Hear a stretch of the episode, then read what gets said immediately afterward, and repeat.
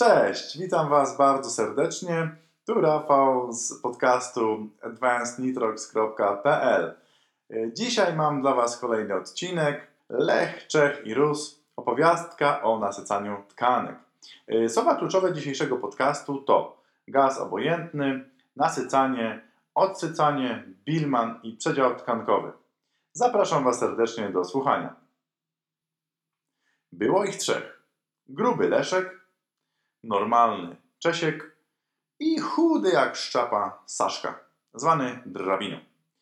W tygodniu orali namiętnie w korpo, ale wiadomo, koledzy nocą bawią się, więc weekendy służyły odstresowaniu i oderwaniu od wszelakich asapów, fuck-upów, deadline'ów i innego badziewia wymyślonego dla zniewolenia młodych umysłów.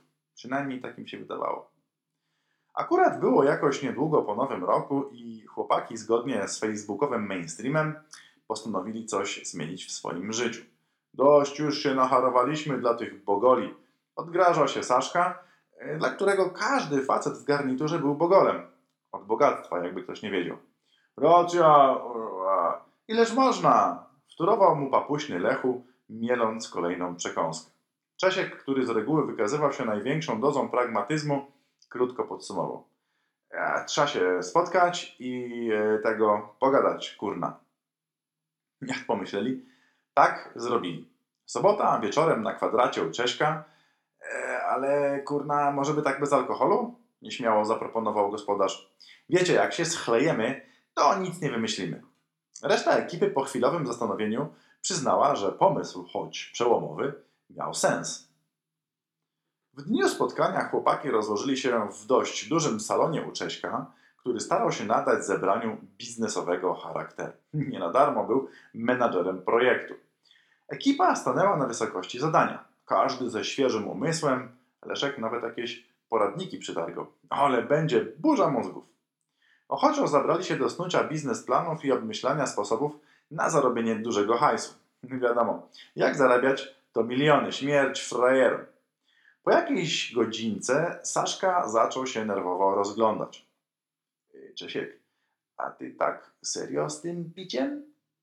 Czesiu, wyrwany z rozmyślań o jachcie na wyspach Bahama, najpierw przytaknął, ale po chwili przyznał, że w sumie to nieźle im idzie i w zasadzie to nawet warto wywalnąć po kielichu za pomyślność. Żeby się, kurna, te nasze plany spełniły. A jak, dodał Lechu i bez żenady wyciągnął z plecaka flaszkę. Sorki, Czesiek, ale wiesz, wziąłem tak na wszelki wypadek. Saszka zgrabnie owinął się z kieliszkami i po chwili luksusowa, no w końcu spotkali się przyszli prezesi, zaczęła rozgrzewać trzewia bohaterów. Po trzech kolejkach Saszka był już na humorze. Nigdy nie mógł wypić dużo, bo nawet nie za bardzo miał gdzie ten alkohol zmieścić, ale starał się dotrzymać kroku Leszkowi, który z kolei trąbił jak smok. Lechu miał taką przypadłość, że w zasadzie nikt go nigdy nie widział ostro nawalonego, ba, nie mówiąc o puszczeniu pawia. Niestety miało to swoją cenę. Biedny Leszek musiał strasznie długo czekać, żeby na drugi dzień dojść do siebie. Saszka natomiast szybko łapał fazę, ale na drugi dzień nawet mógł jeździć samochodem. Czesiek był gdzieś pomiędzy nimi. Wiedział, że nie może wypić tyle co Lechu, bo by pewnie umarł, dlatego bardziej odpowiadało mu tempo Saszki. Ale zdarzało mu się wisieć na balustradzie i użyźniać glebę tym, czym chata była bogata. Z kacem na drugi dzień bywało różnie. Jak podkład był dobry, jakoś szło.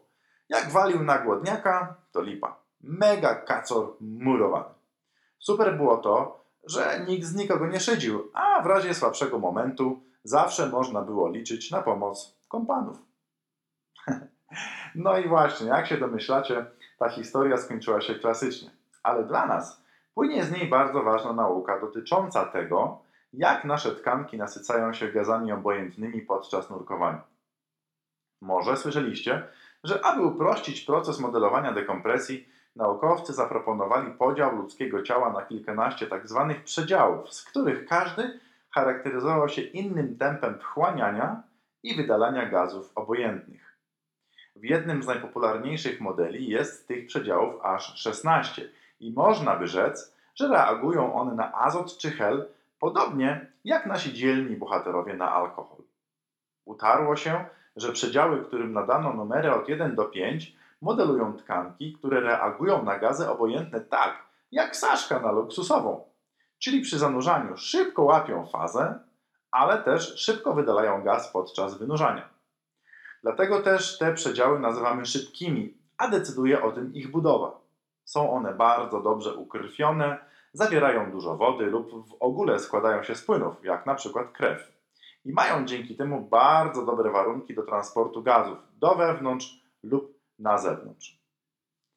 Umownie od numeru 6 do około numeru 10 mamy przedziały średnie, czyli reagujące na gaz obojętny jak nasz dzielny Czesiu na siwuchę. Jak pamiętacie, on nigdy nie narąbał się pierwszy, ale niestety czasem miewał problemy dnia następnego. Z przedziałami, tkankami średnimi, jest podobnie. Są mniej ukrwione, zawierają mniej płynów, znajdują się daleko od gazonośnych naczyń. Dlatego musi minąć trochę czasu, zanim przedziały te zaczną wypełniać się gazem obojętnym podczas zanurzania i pobytu na dnie.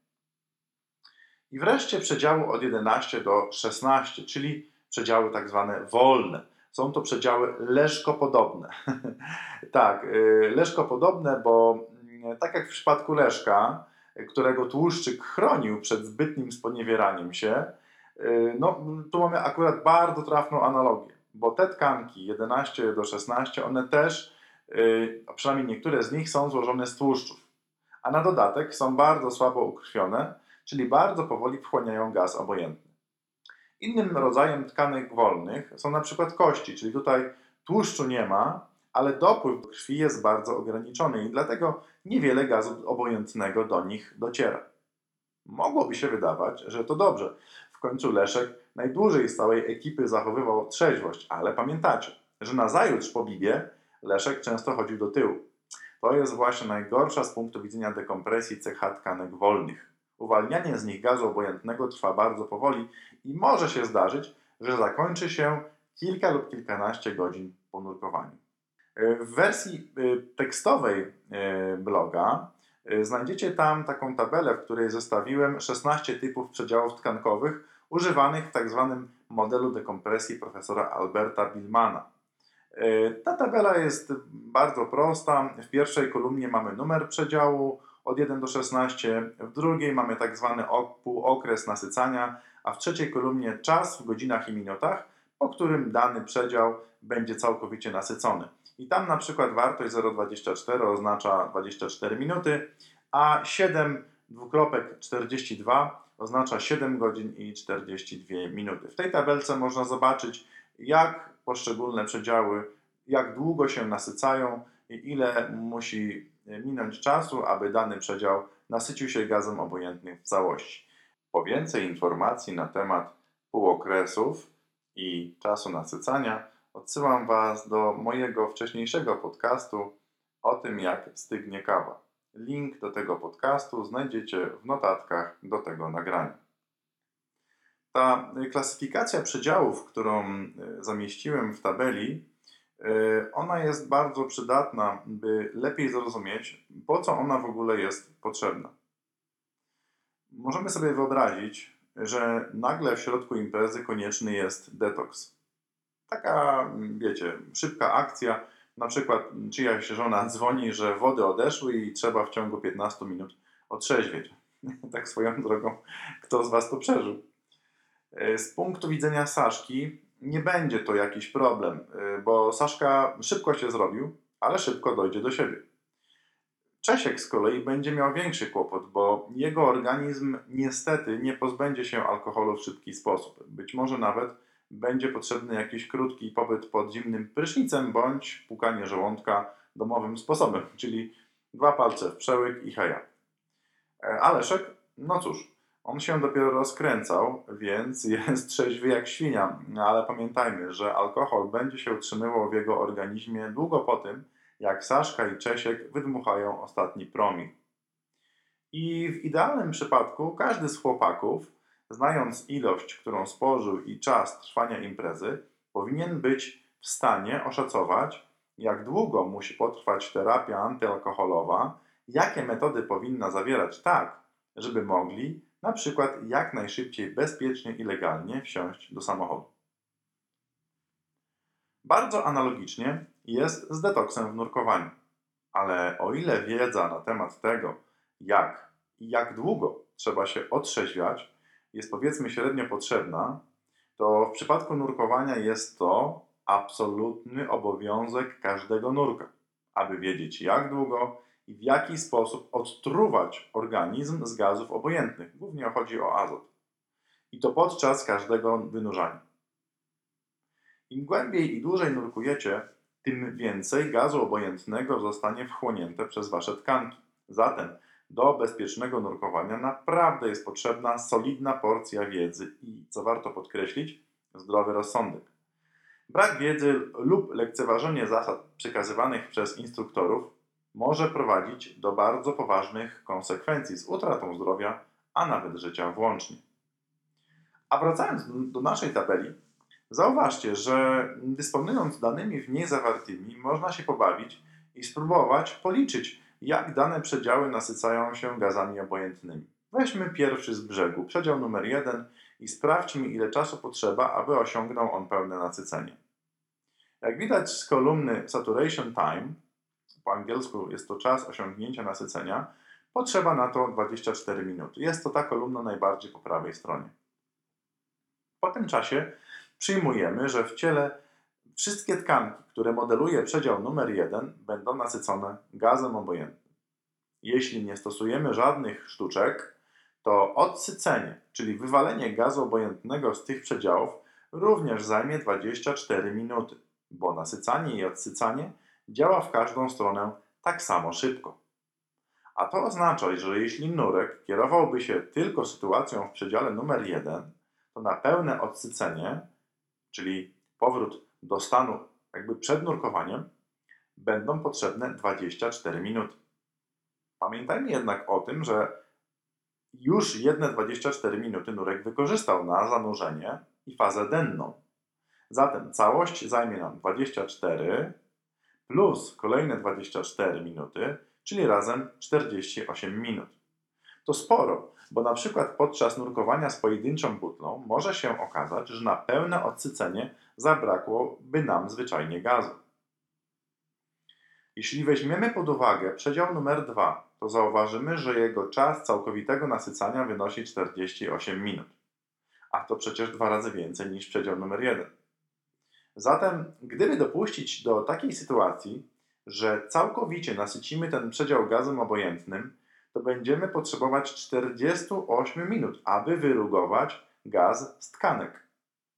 W sumie takie nurkowanie trwałoby 48, czyli zanurzenie i faza denna, plus 48 odsycanie, w sumie 96 minut, a to jest ponad 1,5 godziny.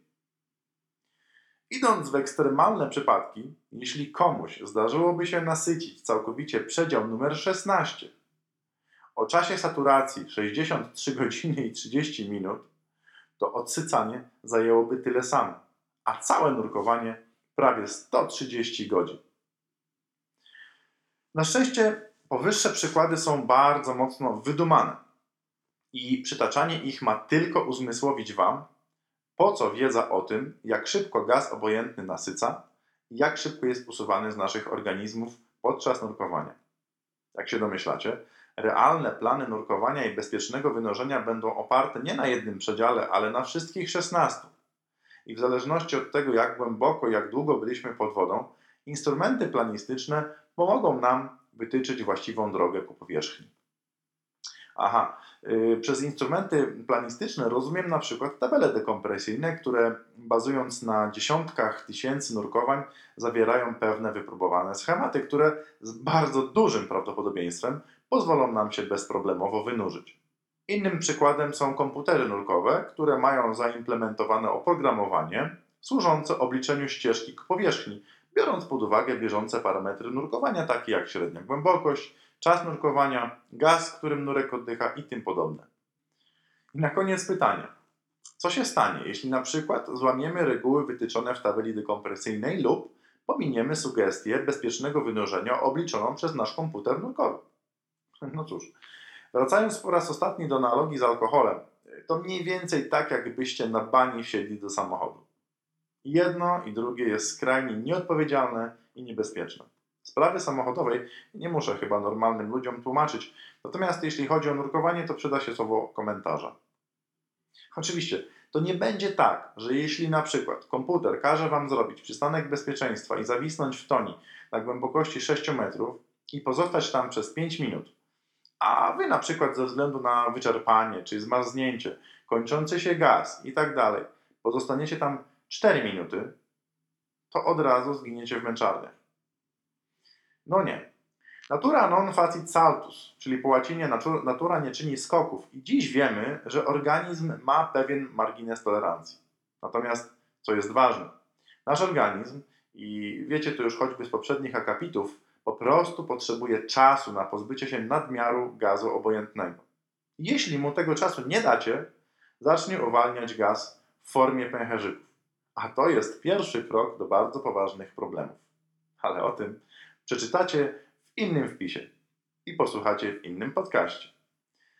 Dziś kończymy i życzę Wam samych bezpiecznych nurkowań. Do usłyszenia, Rafał.